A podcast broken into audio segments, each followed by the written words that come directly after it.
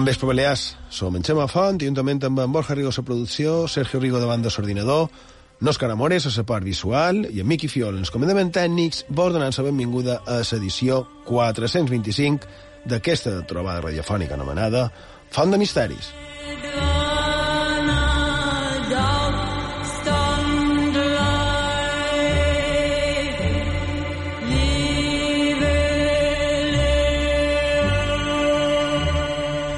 Bon vespre, Borja Rigo. Bon vespre. Sergio Rigo, bon vespre. Bon vespre, Xema. Bé, avui, per començar, ho hem de fer amb el nostre breu i, i esporàdic obituari, perquè dilluns passat, de manera sobtada, va morir a Mallorca Matías Morell Ripoll, en només 56 anys. Era llicenciat en Dret, especialista universitari en ordenació del territori i urbanisme per la Universitat de les Illes Balears i actualment era el cap de servei de l'Agència de Defensa del Territori de Mallorca, en el, en el Consell de Mallorca. Però eh, el tema que ens ocupa en aquest petit obituari no era aquest, sinó la seva vessant com a ufòleg, com a investigador i divulgador de tot allò relacionat amb el que es coneix, diguéssim, com a fenomen ovni. I va ser molt actiu en aquest tema, col·laborant en distintes associacions i publicacions, i si, si us pareix, si me permeteu, ho llegiré de la necrològica que va publicar el passat dimarts eh, a la web misteriosdelasbaleares.com que el seu webmaster, historiador Domingo Hernández, és amic del programa i, de fet, ha, ha participat en diverses edicions de Font de Misteris. I ell va dir d'en Matías, que era vinculat a la Fundació Anomalia, posteriorment Ícaros, eh, col·laborant en les publicacions de quaderns d'ufologia i papers d'ovnis del CEI, del Centre d'Estudis Interplanetaris, coordinador de l'obra Diccionari temàtic d'ufologia, publicat el 1997 i reeditat enguany, així com de l'obra publicada recentment Cielos despejados, en el qual es recullen part dels seus treballs publicats, que també s'encarregava de gestionar diverses llistes de correu de temàtica ufològica, com Anomalist. Diu que era molt rigorós en els seus treballs, que a molts tal vegada no li agradarien per la seva perspectiva escèptica, i amb un molt característic tot humor i irònic que reflectien en moltes de les seves intervencions, encara que tal vegada no hagi estat tan conegut com altres ufòlegs, no es pot negar la seva aportació a la ufologia, especialment la balear. De moment, és l'únic que ha fet un treball de recopilació i anàlisi sobre alguns casos o temes característics de les Balears, com el famós Triangle del Silenci, publicat per primera vegada en la revista Papers d'OVNI, o casos clàssics com la nau portadora de Balears, sobre l'objecte vist entre Mallorca i Eivissa l'any 1953, o el cas Hausmann, que anava de l'albirament de 1950, en la qual es va obtenir la primera imatge d'un ovni en territori espanyol, o també és l'única publicació que tracta sobre la història de l'ufologia balear, publicat en el seu moment en quaderns d'ufologia. En resum, mos diu en Domingo Hernández a la seva plana web, s'ha anat un bon ufòleg, massa aviat, i la ufologia balear ha quedat més orfa. I nosaltres, el que feim Font de Misteris, estem d'acord. No és cert, Lots? Totalment. Totalment.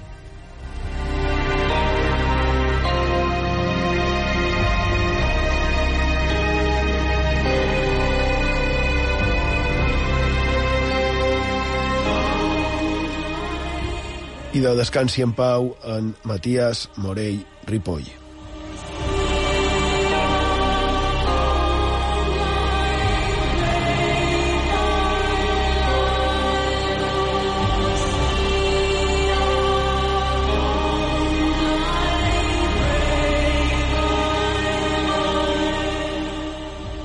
Per altra banda, ahir va ser notícia, ahir es va fer públic, jo diria que està millor dit així, que pot ser en el Museu Bíblic de, de la ciutat de Palma, n'hem parlat d'ella, Font de Misteris, quan no pot ser d'altra manera, i del que pot ser que s'hagi trobat eh, un text filosòfic, escrit en papir, un bocins de papir egipci, que seria, com a text filosòfic, el més antic que es conserva. Això sembla. És una afirmació molt agosserada, a la vegada que, que atractiva, no? Després també, els darrers dies, s'ha sentit parlar de la possible troballa de la tomba de Nefertiti i de na Cleopatra. No sé, però és curiós tanta cosa de cop, no? De, tanta cosa egípcia. Però jo crec que això ho deixem per la propera setmana, encara que avui també parlarem de troballes interessants d'aquelles que poden fer reescriure història i el manco, particularment, la meva opinió personal, és que també pot tenir una part màgica. Però ara veurem de què parlarem, perquè què tenim previst per fer avui Sergio Rigo. I de cinto sumari i comencem.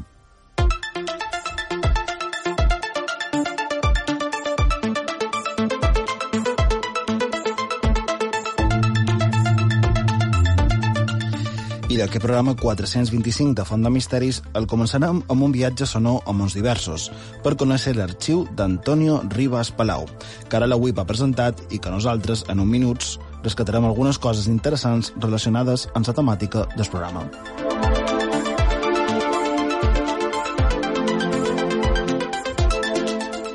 Després seguirem amb el viatge i anirem més enrere en els temps, concretament a la prehistòria, per comentar una troballa que ens fa reescriure de nou la història. De què se tracta?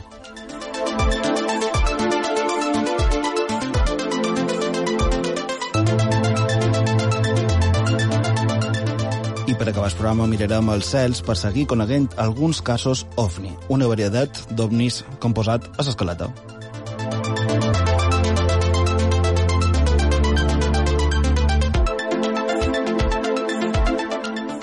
Recordem als oients que ens podeu enviar tot allò que vulgueu en els nostres mitjans de contacte. Ho podeu fer, com sempre, per WhatsApp i Telegram. El número de telèfon és 659 769 52. Ho repetim, 659 769 52.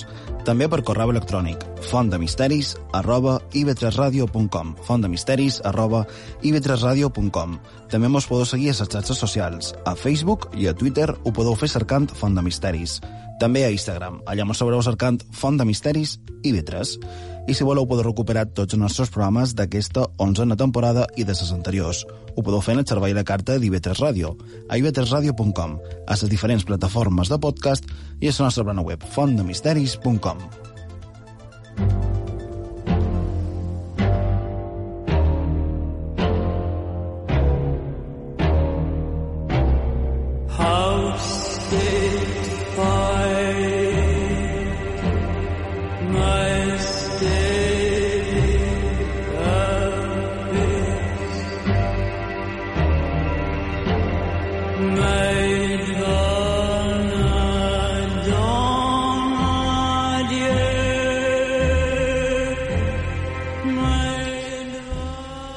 I d'així és.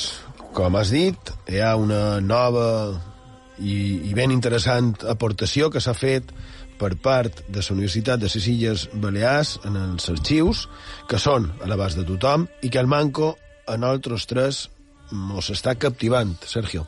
I de si avui Xema volem comentar un arxiu sonor que s'acaba de digitalitzar per part de la Universitat de les Illes Balears. I és el fons etnogràfic Antonio Arribas Palau, que com veurem ara en un petit tast és molt interessant.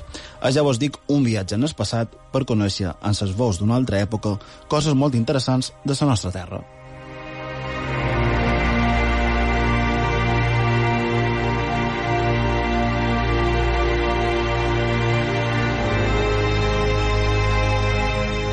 Però primer anem a conèixer molt breument, perquè la seva biografia és molt extensa, quin era aquest Antoni Arribas Palau.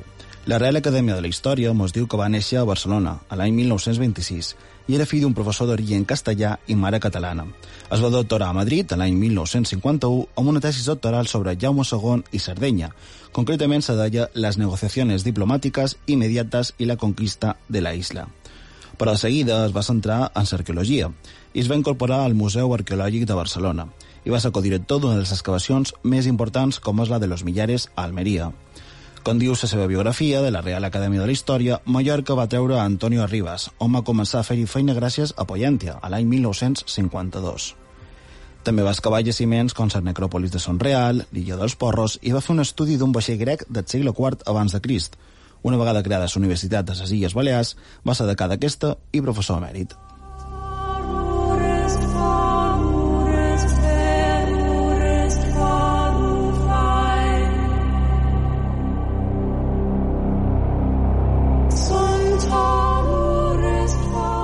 Durant la seva etapa de professor, entre 1981 i 1991, més d'un centenar d'estudiants d'història de la UIP sortiren de les aules amb una gravadora de cassets a la mà, gràcies a l'assignatura d'antropologia que va impartir Ribas.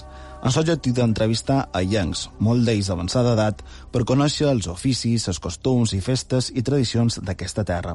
En total, segons ha dit la UIP, hi ha un total de 600 entrevistes en 400 cassets. Quasi res, no?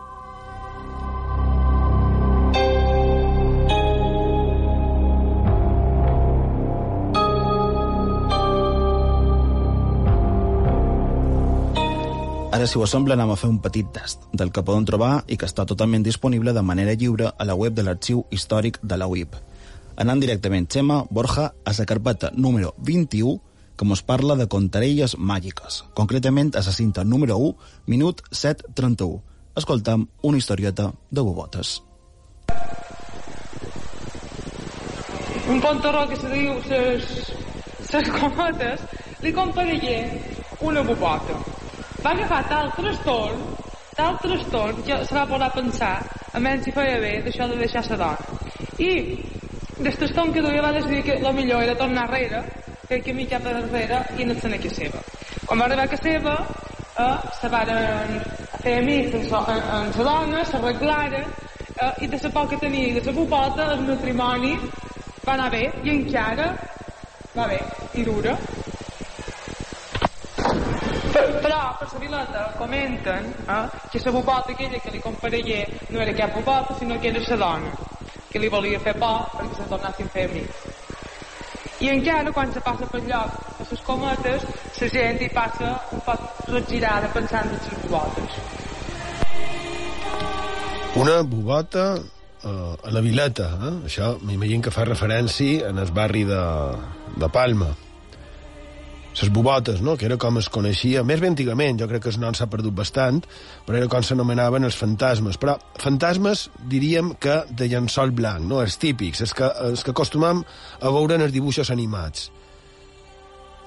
I que sovint, aquesta, aquesta casset, mmm, Bé, és que això són cassets, no ho han comentat, perquè, evidentment, des dels anys 80, dels anys 90, i això del CMP3, avui ho comentàvem en Bengali en dos informatiu migdia, no? Que, que clar, que les cintes de casset era com, com teníem la nostra manera d'enregistrar. De, no, perquè no existien els sistemes digitals que ara. I de, deia lo de, això de, de que en aquesta casset, precisament, ja parla d'això i que es deia que tal vegada fos la seva dona, no? És a dir, que sovint aquestes bobotes se sabia que era gent disfressada i que ho feia en, en qualque finalitat, com per exemple, un dels casos típics era el contraband.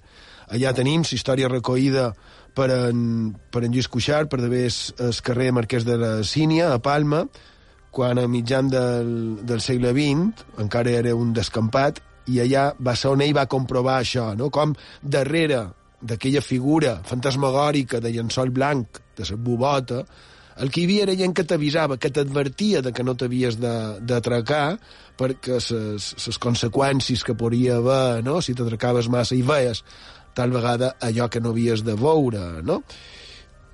Perquè realment a queixes eren ses bobotes no? que feien vertadera por. Efectivament, s'hauria de valorar quina aquesta de fantasma, entre cometes, fa més por. Si la bobota contrabandista o ara pensava amb el doctor Jocutot, que també t'avisava de coses, no? com, com deies tu, de, de coses que te podrien passar. Una mica diferent, una mica més simpàtic, però Clar, però el doctor Llocutot, que del que fas referència, que és un, seria l'aparició d'un doctor del segle XVIII eh, en el carrer que du el seu nom, no? però aquí sí, estaríem parlant no d'una bubota, sinó d'una aparició més bé espectral, no d'un espectre. En canvi, les bubotes, aquestes són... Jo les, rec les reconec més, no diguéssim, com aquestes de llençol blanc, com aquesta mateixa senyora, que seria la que se disfressaria per fer-li por a perquè no fogis de casa a fer eh, Déu sap que. Curiós. Vinga, anem amb una altra de contarelles màgiques. Seguim en aquesta carpeta número 21 per a la cinta número 2, concretament el minut 27-34, escoltant la història d'una monja i una desaparició. Així com sona. Una monja que tenia 16 anys, això era un poquet passat el moviment, va, guardava, perquè estava a Porreres, guardava els malalts. No, aquí, no vaig dir el 38. Bé, guardava els malalts, el 36 era la guerra, eh, guardava els malalts, i, i el dia un li va tocar eh, guardar un mart en aquesta manja, i era una nena jove, tenia 16 anys. I, i la família s'usava que tota la nit guardaven el mart, i aquesta nena va dir, "Sí, tot han dormit, Era era mal. era monja, monja. Sa Joana, li deien, i li deien Sa Joana dels malalts. I, i ell va dir, per, per una geure, sí, ja guardaré una estona. I no s'anaven a geure, però se dormiren per allà darrere, i, i ella va quedar en el quart que guardava el mar. I, i, i en aquest temps no hi havia electricitat. Eh, només hi havia electricitat fins a les 12 a les 11 i quan van pagar el llum només van quedar el llum d'alt i, i el llum de petroli el que s'usava en aquest temps. Aquest espelmes i això s'usava el llum d'alt i el llum de petroli.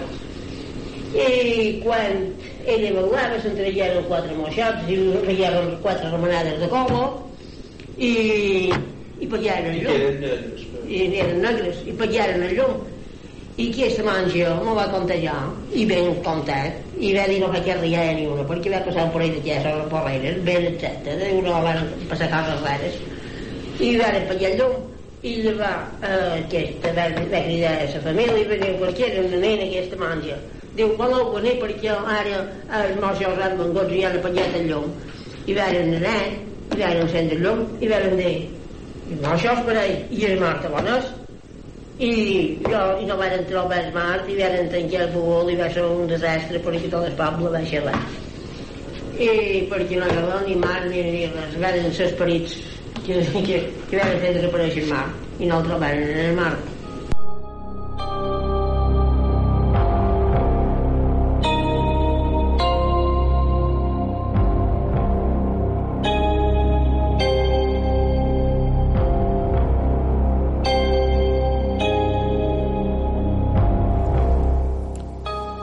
Sor Joana dels Malalts. Eh? Jo ni idea de que eixa monja, jo personalment no l'havia sentit anomenar, no sé vosaltres si l'havíeu sentit anomenar. Ni idea. Eh, Ni, ni remotament.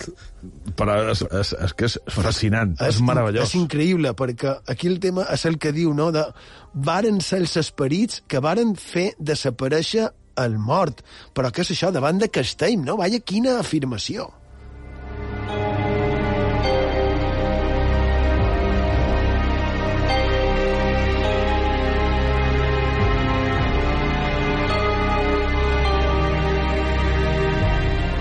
És que el, que més m'ha, no sé com dir-ho, m'ha sorprès, m'ha captivat o el que vulgueu, és que, a més, diu que hi havia un parell de casos més a Porreres. De, de persones que havien mort, que les estaven vetjant, Després, la cinta segueix contant algun cas més. de, de, en Sí, aquesta no, no mateixa l'he dit cinta. avui, però sí que, sí que segueix contant. I recordem el que deia aquesta bona senyora en el principi de sa, de sa gravació, que no estem parlant de segle XVII o segle XVIII, no, Estem estem par- parlant de ben entrat al segle XX. El moviment, parlava Sí, ella. bueno, després han precisat, crec, que ja han dit per d'haver l'any 38, o sigui, ja acabant la guerra. Efectivament. No? És, és, és, molt, és molt sorprenent, és molt sorprenent.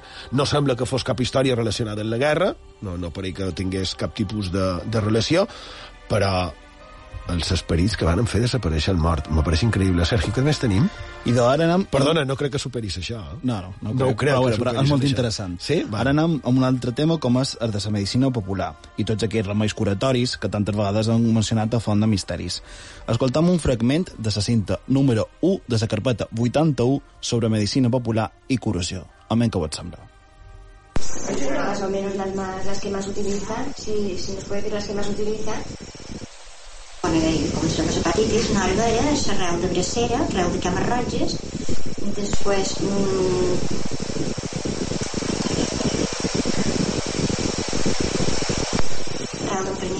Eh? Eh?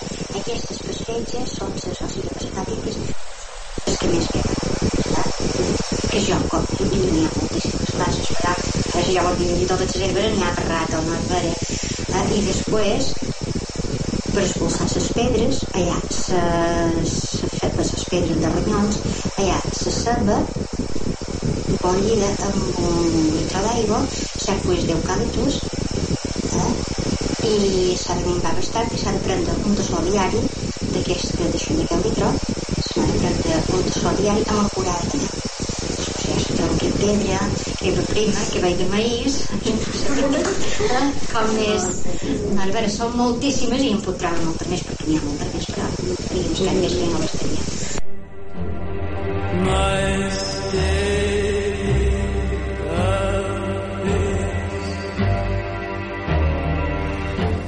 Bé, hi una mostra no, del coneixement popular dels remeis casolans que, que de ben antics s'han anat transmetent i que, i que n'hi ha un bon grapat que, que el temps i, i, i, i la ciència, a més, els hi ha donat la raó, no? Jo crec que és un altre tema ben interessant, està clar. Supos que també... Efectivament, el que tu acabes de dir, la ciència, en moltes ocasions, ha donat la raó en, aquesta, en aquests remeis que un d'entrada podria pensar que eren a lo millor dolluts, o que no tenien gaire sentit, o que eren coses d'un altre temps, o coses de gent ignorant. I després s'ha mostrat que, que realment no, que realment estan segurament més avançats en aquella època que la ciència convencional, en molt de casos. Cap, jo crec que cap la possibilitat de Clar. que, de que verdaderament fos així. Que, per tant, no, no s'ha de perdre de vista. No, i, i està molt bé precisament que, que tot això es conservi. Bé, i com no pot ser d'una altra manera, a Balears no podem deixar de parlar de devoció a sants. Ara anem a escoltar una devoció popular, un petit fragment d'una dona de Campanet xerrant de Sant Victorià Màrtir. Carpeta 24, cinta número 1. I quan varen dur els cors de Sant Victorià? Va ser en temps vostre o ja, ja molt més antic? Això ja era de, de l'altre centenari. Com Ja era dur. segle. Ara jo això haver vist... Ni mo mare ho, va veure, però sabem coses que no m'ho contat. L'altre centenari era de- de- d'això, jo no vull dir si era de l'any 80, de, Sí, de sí, 800 o tot això, però dins d'aquest no. Dins d'aquest segle no. No, dins d'aquest segle ja no I, i què heu sentit això. contar? De quan estàveu a Aragó heu sentit contar coses o no? de, allà, de, de, De missa, missa, de, de- de missa allà, sí.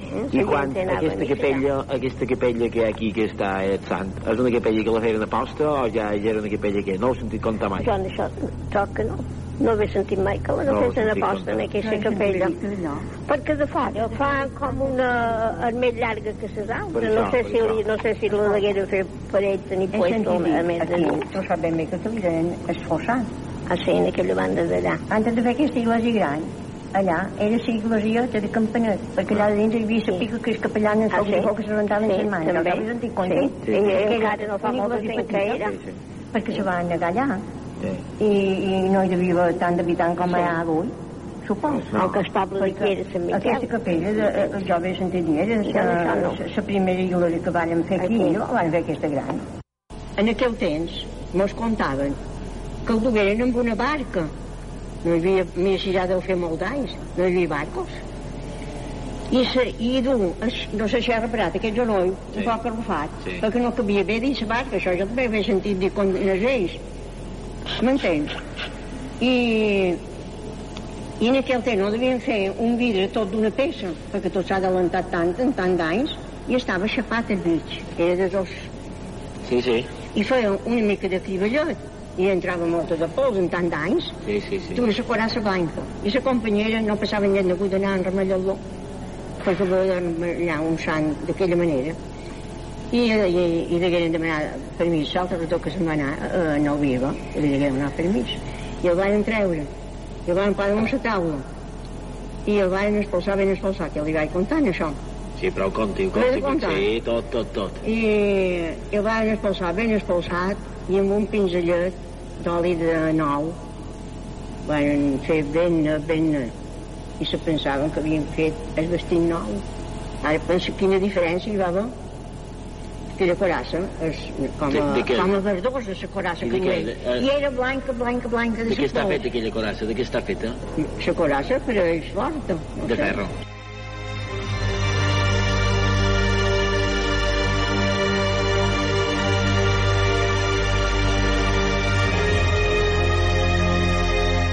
Jo crec que pels que mos agraden aquestes coses, aquestes històries més amagades de, de la nostra terra, de la nostra història, de la nostra cultura, aquestes mm, curiositats, jo crec que és imprescindible. Vull dir, hem fet aquí una troballa meravellosa, fantàstica.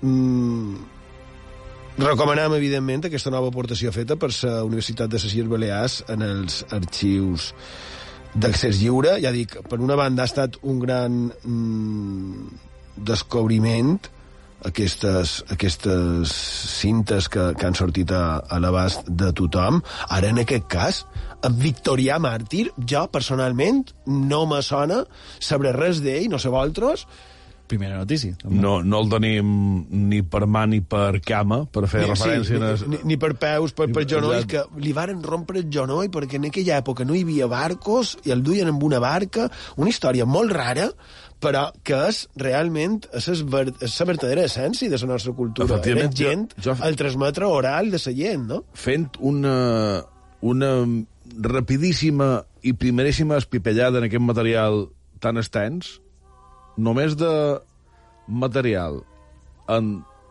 temàtica absolutament directa de font de misteris, sense anar a trascar coses que se poden relacionar amb el que contam aquí, no, no, en temàtica font de misteris pura i dura, a la baixa he calculat una dotzena d'hores de material sonor. Jo, el que mos faltava per, per no avorrir-nos, saps? Posar-nos a escoltar a totes aquestes cintes, però la veritat és que sí. Jo me sap greu perquè tots els podcasts que, que acostuma a escoltar, la majoria són d'humor, eh, m'apareix que els hauré de deixar una miqueta de banda i, i que ficar-me dins aquestes gravacions que... Mm, si qualcú també, si qualcú vol trescar, que mos ho demani perquè li farem arribar, ara direm el número de WhatsApp, ara mateix el, el direm, perquè vos ho podem enviar ara mateix per, per això, per, per, per, per sistemes que en Sergio dirà ara, i de pas demanem a qualcú de Campanet, Illa de Mallorca, a mem, si sap, qualque mm, història relacionada amb en Victorià Màrtir, eh? que mos ha sorprès molt aquesta història de- d'aquest màrtir que haurien duit d'haver els anys 80 del segle XIX cap aquí. Podries donar, si vols, les formes de contacte, Sergio Rigo? I uh, tenim el WhatsApp i el Telegram 659 16 69 52, ho repetim, 659 16 69 52.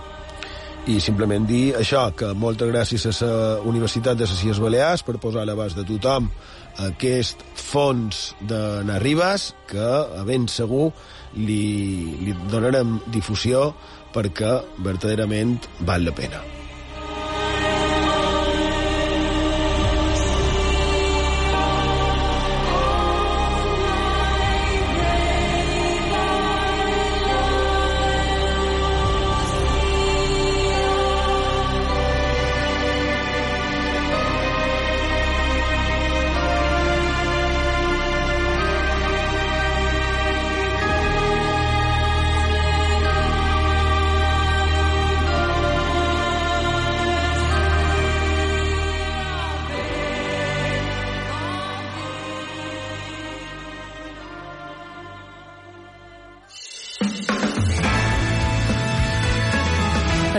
La ràdio pública de les Illes Balears.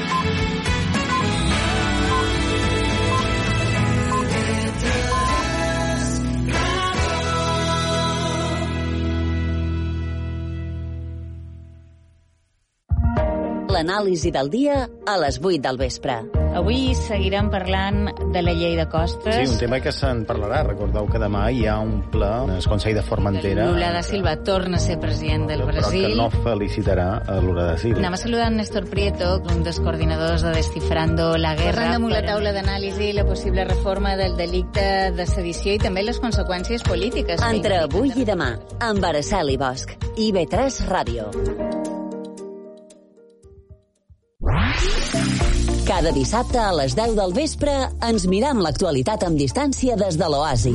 Li segueixen els preus dels plàtans, de l'oli d'oliva, de la farina, que han pujat un 50%. Però només hi ha certs productes d'higiene, com ara el xampú, o de la categoria de les fruites, com l'albocat o el kiwi, que han registrat petites davallades i que són ara més barats.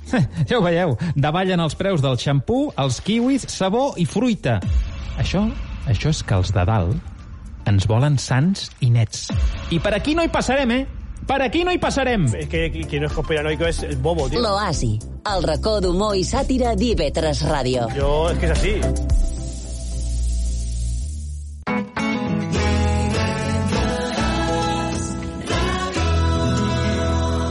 A Mallorca, 106.8.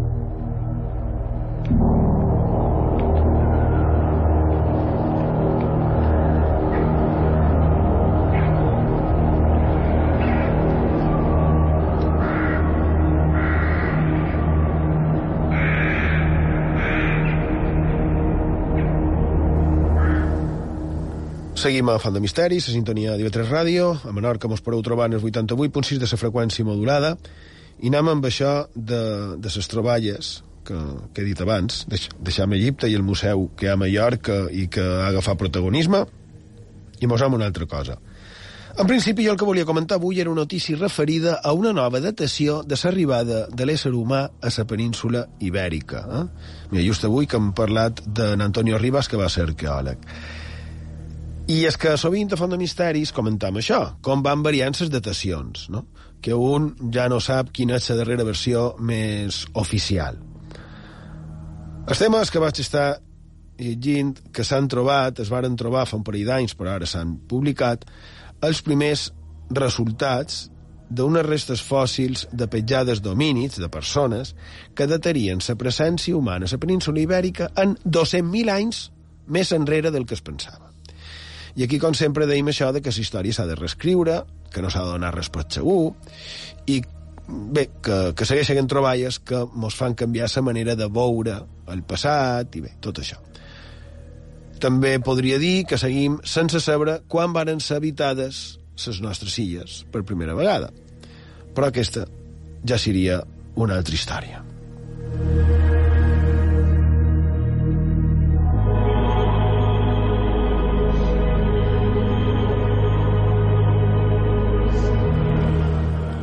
Això ho he publicat a la revista Muy Interesante, que a vegada cita un article de la revista Scientific Reports que diu que les empremtes trobades a una platja de Huelva, en el sud de la península ibèrica, mostraria que els sediments eren del Pleistocè mitjà. Exactament diu, según el nuevo estudio, las huellas se hicieron entre un periodo cálido conocido como estadio isotópico marino 9, MIS9, y uno frío, MIS8, momento en el que se produjo una importante glaciación. Los restos de homínidos de esta época son extremadamente raros, aunque los autores del estudio afirman que el clima más cálido del sur de España habría proporcionado uno de los mejores hábitats de Europa para los humanos durante esta època. També diu que és mal de precisar, clar, no ha de ser gens fàcil, però m'agrada que, que es reconegui com ha de ser, no?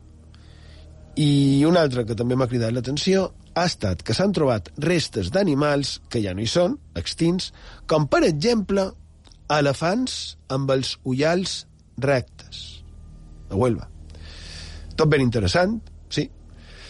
Però el cas és que jo volia parlar d'això i me vaig trobar que també dilluns passat, dit també perquè és quan es va publicar això que, que he contat, i de dilluns passat la premsa es va fer ressò d'una troballa de queixes que mos encanten a Font de Misteris. I mos encanta per molt de motius, perquè és d'aquelles molt sorprenents perquè pots s'ajuden a reescriure la història, perquè mos dona la raó en el que pensant que darrere de les creences, de l'imaginari, hi ha molt més que només això, imaginació. I perquè més convida eh, a somiar, a tenir esperances amb altres troballes que venen a seguir confirmant el que doim.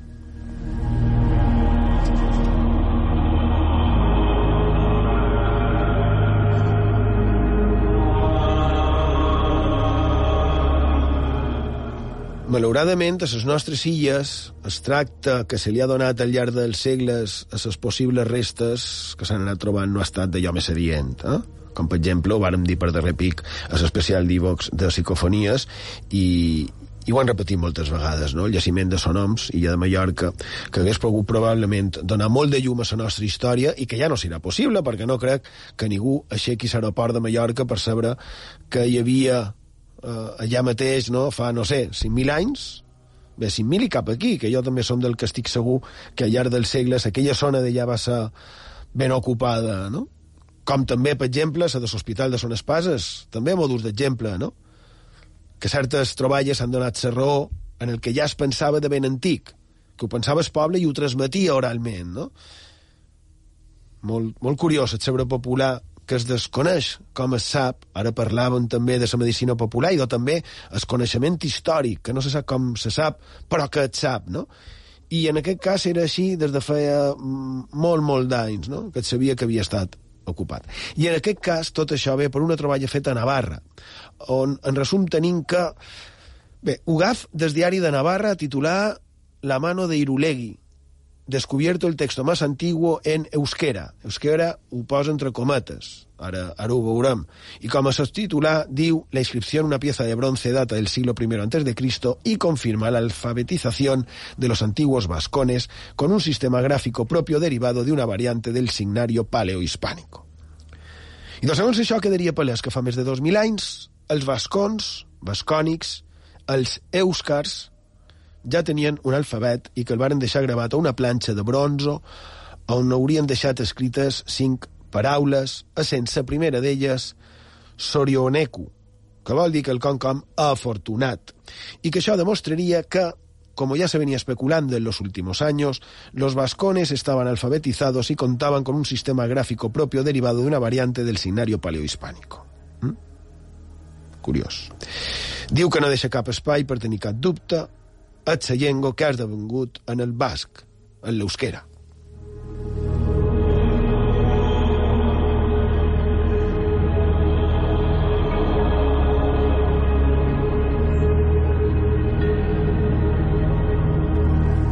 A les notícies surt una foto de la planxa aquesta, la peça de, de bronze és una planxa primeta, i surten també els símbols, les grafies que hi ha, així com una transcripció del castellà escrit, no? I aquí és on me venen les meves cosetes en el cap. Per una banda, curiós que sigui una mà. Perquè vos heu fixat que la mà és una de les primeres representacions en l'art rupestre? Mans deixades a les parets, en els sostres, de coves de fa milers i milers d'anys, no? I a més, es repeteix amb moltes semblances a diverses parts del món. Jo crec que és curiós. I també és curiós que un dels símbols màgics més estesos del món sigui justament el que s'ha trobat. És a dir, una mà.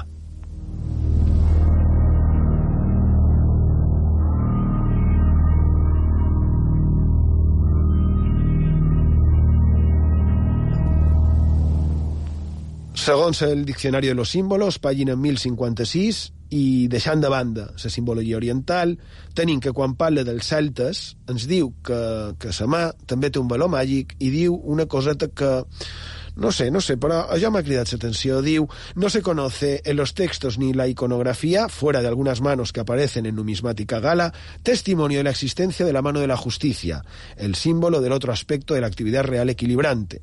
Pero el rey celta es también juez, y un buen rey es el que arbitra juicios justos. Simbologia de la mà. I sé que he dit celtes, sí, però... I els celtibers, què?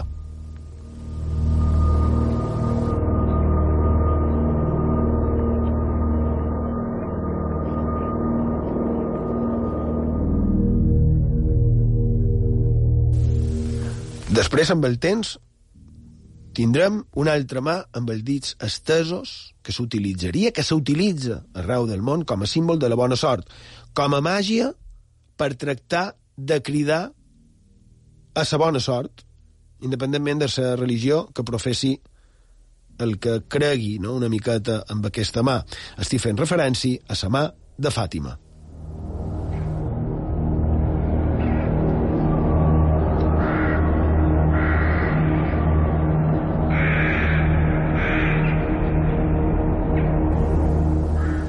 No acaba aquí la cosa, no, perquè basant-me en la mà de Fàtima, que serviria una mica per fer fora s'anomenat es, es mal d'ull, resulta que, segons uns, uns escrits que me va passar la doctora Vázquez Ois, ja fa uns anyets, doctora en història antiga, perquè si no no té sentit dir que és doctora, clar, i de...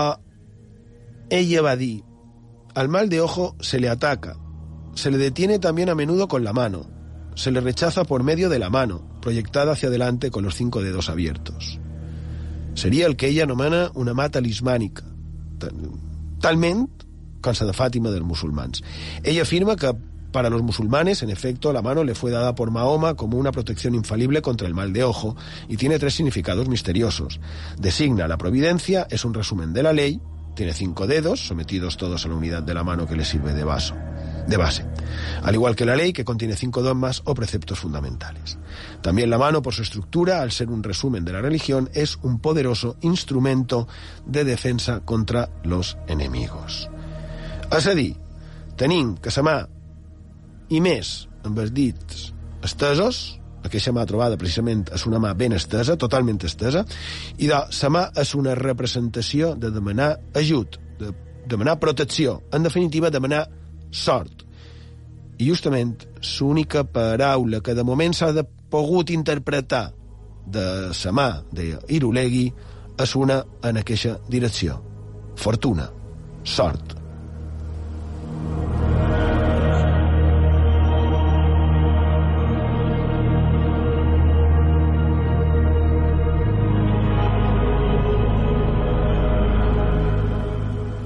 Y ahora que di que se ha de interpretar, fa un moment he dit, como ya se venía especulando en los últimos años, los vascones estaban alfabetizados y contaban con un sistema gráfico propio derivado de una variante del signario paleohispánico. I també, com deia, les imatges d'aquella mà de bronze trobada a Navarra es veuen els símbols, els símbols que són com a lletres, i recordava haver-ho estat mirant no fa molt, i he de dir que de casualitat. Mireu, a vegades, a la meva biblioteca, m'agrada obrir revistes o llibres antics a l'atzar, a menys que trop. I solen sorgir coses interessants. I si no és fàcil, canvia de llibre a revista i ja està, no? El cas és que vaig agafar el llibre Geografia General d'Espanya, d'un tal Juan Bautista Carrasco, i això que dic és cert, no estava cercant això amb absolut, però me vaig trobar a un llibre de l'any 1861, pàgina 26, un capítol que deia Alfabeto primitivo español o Euskarano con sus caracteres y nexos y letras jucladas. I directament mos trobam amb un quadre amb els símbols que explica que són letras vulgares, nombres de las letras del alfabeto griego, los nombres de las letras vascongadas de los signos primitivos. I els signes primitius jo diria que són gairebé els mateixos que surten a la foto d'aqueixa mà. Així que aquests símbols es coneixen, es coneixerien des de com a mínim fa 160 anys.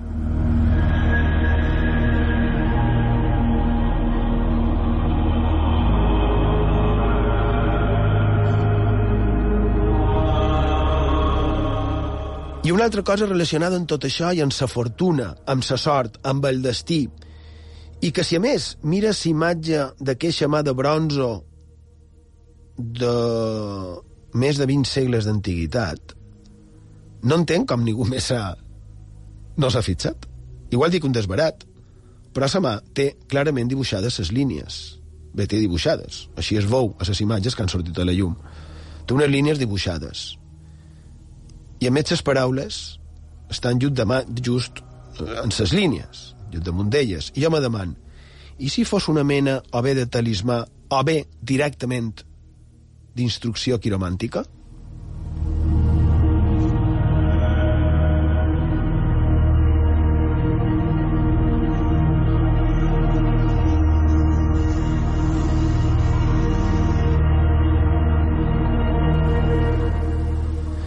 és, és com si fos me ven al cap com si fos una il·lustració per ensenyar, per mostrar, per explicar la quiromància. És una mica de locura, sí. Però és que, clar, la quiromància, és a dir, allò de fer la lectura de les línies de la mà, és una cosa també ancestral, és una cosa mil·lenària. I, i clar, ja dic que aquesta troballa és fascinant, que pot tenir molt al darrere, però de moment ho deixa aquí a menys si qualcú, si qualque científic, si qualque entès, si qualque investigador segueix aquesta teoria eh, de la quiromància. Jo crec que seria molt interessant, ho trobeu. I si fos així, recordeu que ja ho heu sentit aquí, a Font de Misteris, a IB3 Ràdio.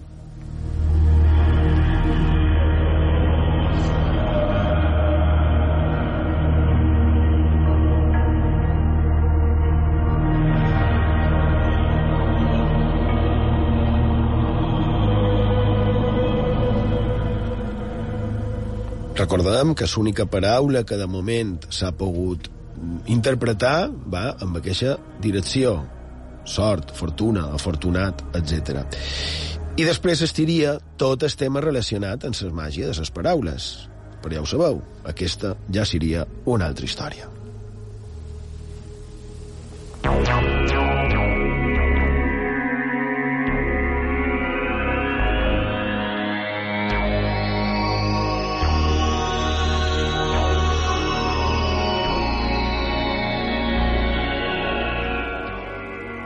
I, dic que seria una altra història perquè en Sergio ha dit eh, que hem de parlar d'ovnis. I, I per associació podríem parlar de la missió Artemis, no? Però crec que la podem deixar per comentar-la un altre dia. La missió Artemis és la suposada missió que s'ha posat en marxa per la retornada dels humans a la Lluna. Quantes vegades no s'ha dit això, no? Així que ho deixem anar cap als cels perquè, tal i com hem dit, volen contar un parell de casos ovnis que en Borja tenia recoïts. Perquè, encara que soni una cosa de fa anys i que dia d'avui ja no té protagonisme, resulta que sí que segueix tinguent vigència. De fet, un dels darrers casos ovni amb ressò important va tenir lloc la passada setmana. Jo vaig seure per, per en Carles Albarracín, que me va posar damunt la pista, i la veritat és que ja m'ha sorprès per la poca transcendència que ha tingut. O almenys jo no l'he vista. Mm, El diari La Razón diu un titular, pilotos de avión informan de la presencia de ovnis por quinta noche consecutiva en Brasil. Y como titular, la comunicación de los pilotos con la torre de control fue filtrada alertando sobre luces misteriosas de varios colores en el cielo que realizaban movimientos extraños.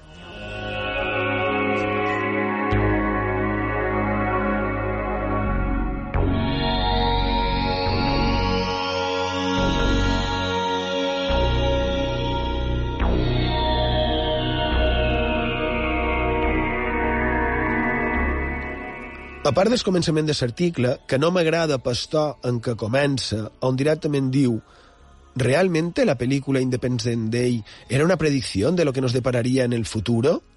Con el cielo repleto de ovnis invadiendo la Tierra y los seres humanos convirtiéndonos en sus esclavos? No sé, crec que no és massa dient, no?, començar així un article on el que es tracta és que uns pilots d'un avions comercials, perquè no només era un, però, per exemple, el que feien la ruta Sao Paulo-Porto Alegre, Brasil, avisaren a Torre que hi havia uns llums en el cel que no haurien d'estar allà, que feien estranys moviments i que no sabien què era. També ha transcendit que entre pilots i la torre de control varen mantenir una conversa damunt d'aquestes estranyes llums. Tot això ho podeu trobar eh, eh, per la xarxa. Parlen en portuguès, és una conversa entre un pilot, la torre de control, i un altre pilot, en aquest cas d'un avió de l'ATAM. Eh? Avui, per cert, ha hagut un accident d'un xoc entre un camió de bombers i un avió de, de l'ATAM, a Lima, en el Perú. Uh, per on anàvem? Un pilot que, deu, que diu que veu uns llums que s'encenen i s'apaguen, que a vegades se suna i a vegades dues o tres, la torre informa que ja té d'altres reportats en el mateix lloc, i que just en aquell moment hi ha una d'aquestes llums, no? de molta intensitat, damunt de Porto Alegre.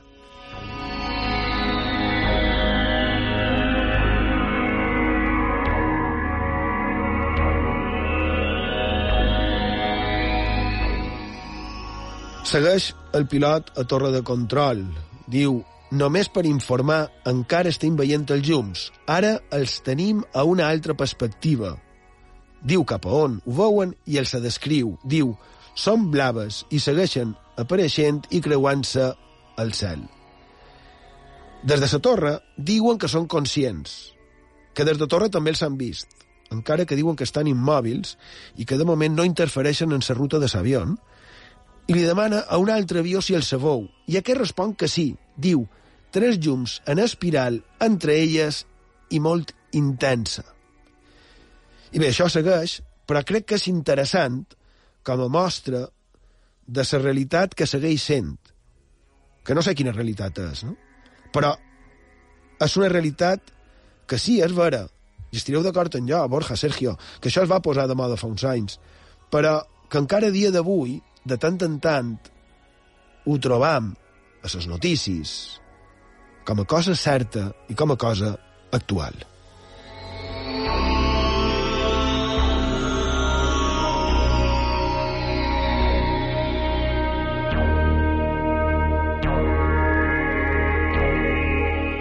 queda per contar tu el proper dissabte Efectivament, a més, és interessant perquè contrasta... Tenc una història del Brasil, precisament, també. Sí, sé que, en, sé que en tens una de... Bé, jo sé els, els casos, perquè has posat, bueno, et dir els títols Colares. Colares, Perquè efectivament. has posat de vora Brasil, per tant, Colares és però, de però Brasil. clar, contrasta perquè tu estàs parlant d'un cas d'aquesta mateixa setmana, o de la setmana passada, i això és un cas de, de fa una cinquantena d'anys. I, a part, mostra també que el que és, que el fenomen ovni, malgrat de vegades a premsa se parli de que els ovnis ja no venen, de que no hi ha casos, de que...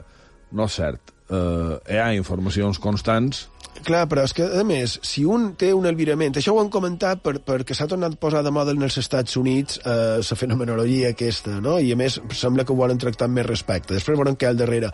Però, clar, que després un diari digui eh, això en pla el cielo repleto de ovnis invadiendo la Tierra y los seres humanos convirtiéndose en sus esclavos, como en la película Independence, Independence Day.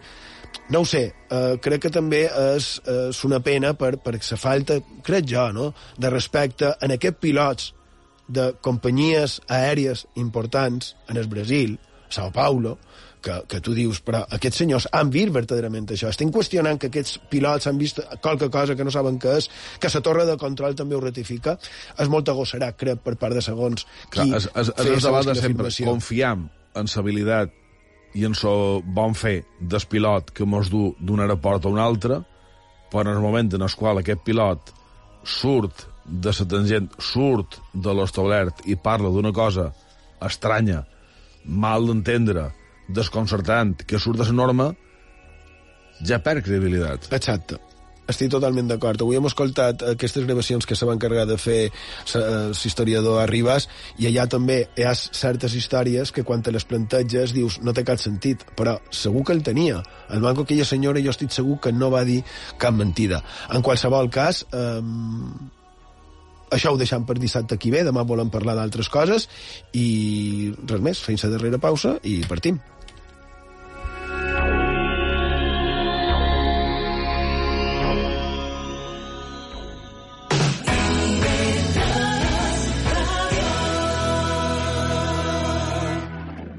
Aquest diumenge a les dues, l'U d'Eivissa visita el camp del Villarreal B.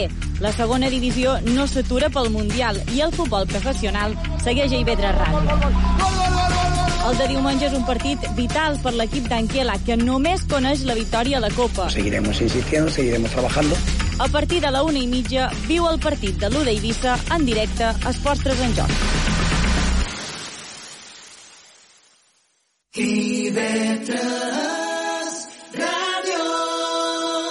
És patrimoni.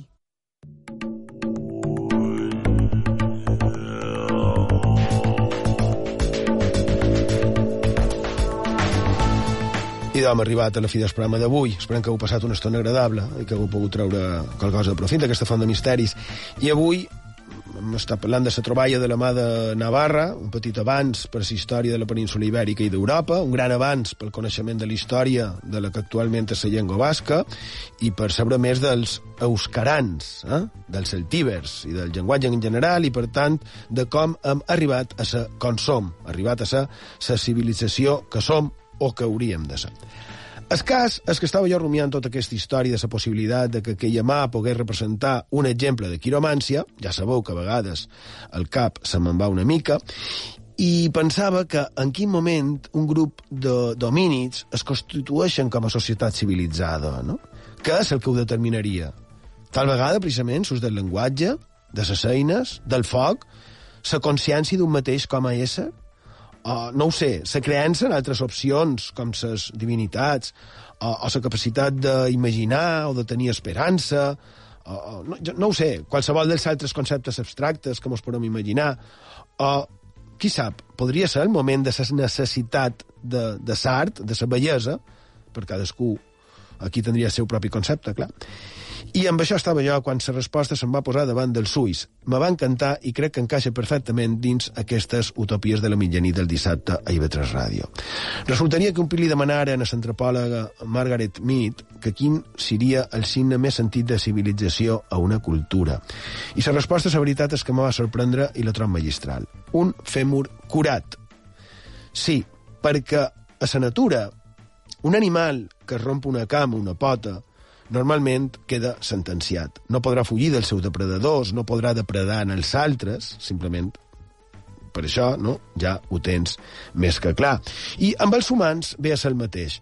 Per això, el primer fèmur que va poder soldar-se i sanar seria la mostra de com qualcú es va preocupar per un altre que estava ferit, el va ajudar, el va curar, el va protegir, el va cuidar i ho va fer mostrant-se civilitzats, humans, persones. Quant de sinònims no? que van perdent el seu significat a mesura que passa aquest segle XXI, on l'egoisme i la falsa eh, superioritat mos fan creure que estem per damunt dels altres, en lloc de simplement ser civilitzats, com aquells cavernícoles que ja es preocupaven dels altres abans que d'ells mateixos. En un món digueu-me, utòpic, on l'empatia i la protecció dels teus degués ser la norma no? en aquelles antigues tribus. No ho sé, era una reflexió veu alta, ja ho sabeu. I de don Joaquín Sabina, Canción para las manos de un soldado. Allí, Pau, bona nit. Gràcies per la vostra companyia i fins demà.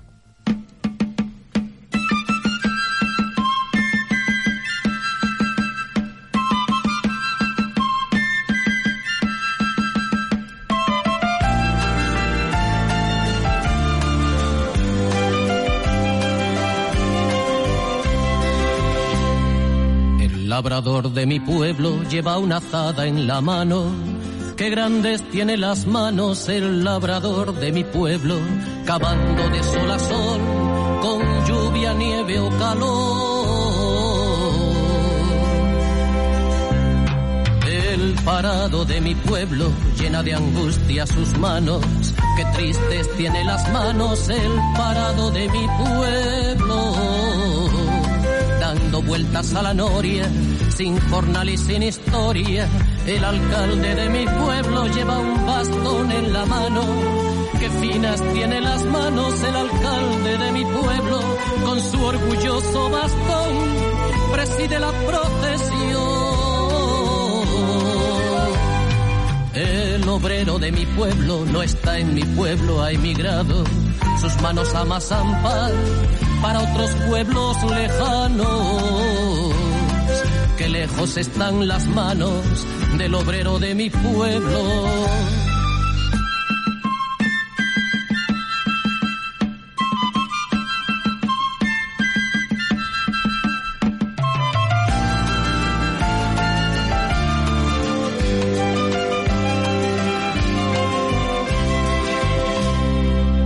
Soldado de mi pueblo antes ha sido albañil. Ahora ya no tiene pala, lleva en la mano un fusil. Que frías tiene las manos alrededor fusil.